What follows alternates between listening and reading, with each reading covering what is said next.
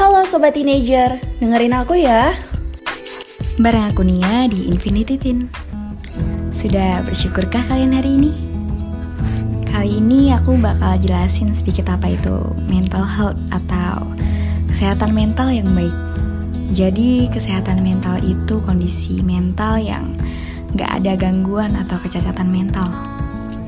Ada banyak faktor yang mempengaruhi kesehatan mental kalian Misal kayak banyak pikiran, kerugian sosial, bahkan sampai dengan kekerasan, baik fisik maupun lisan.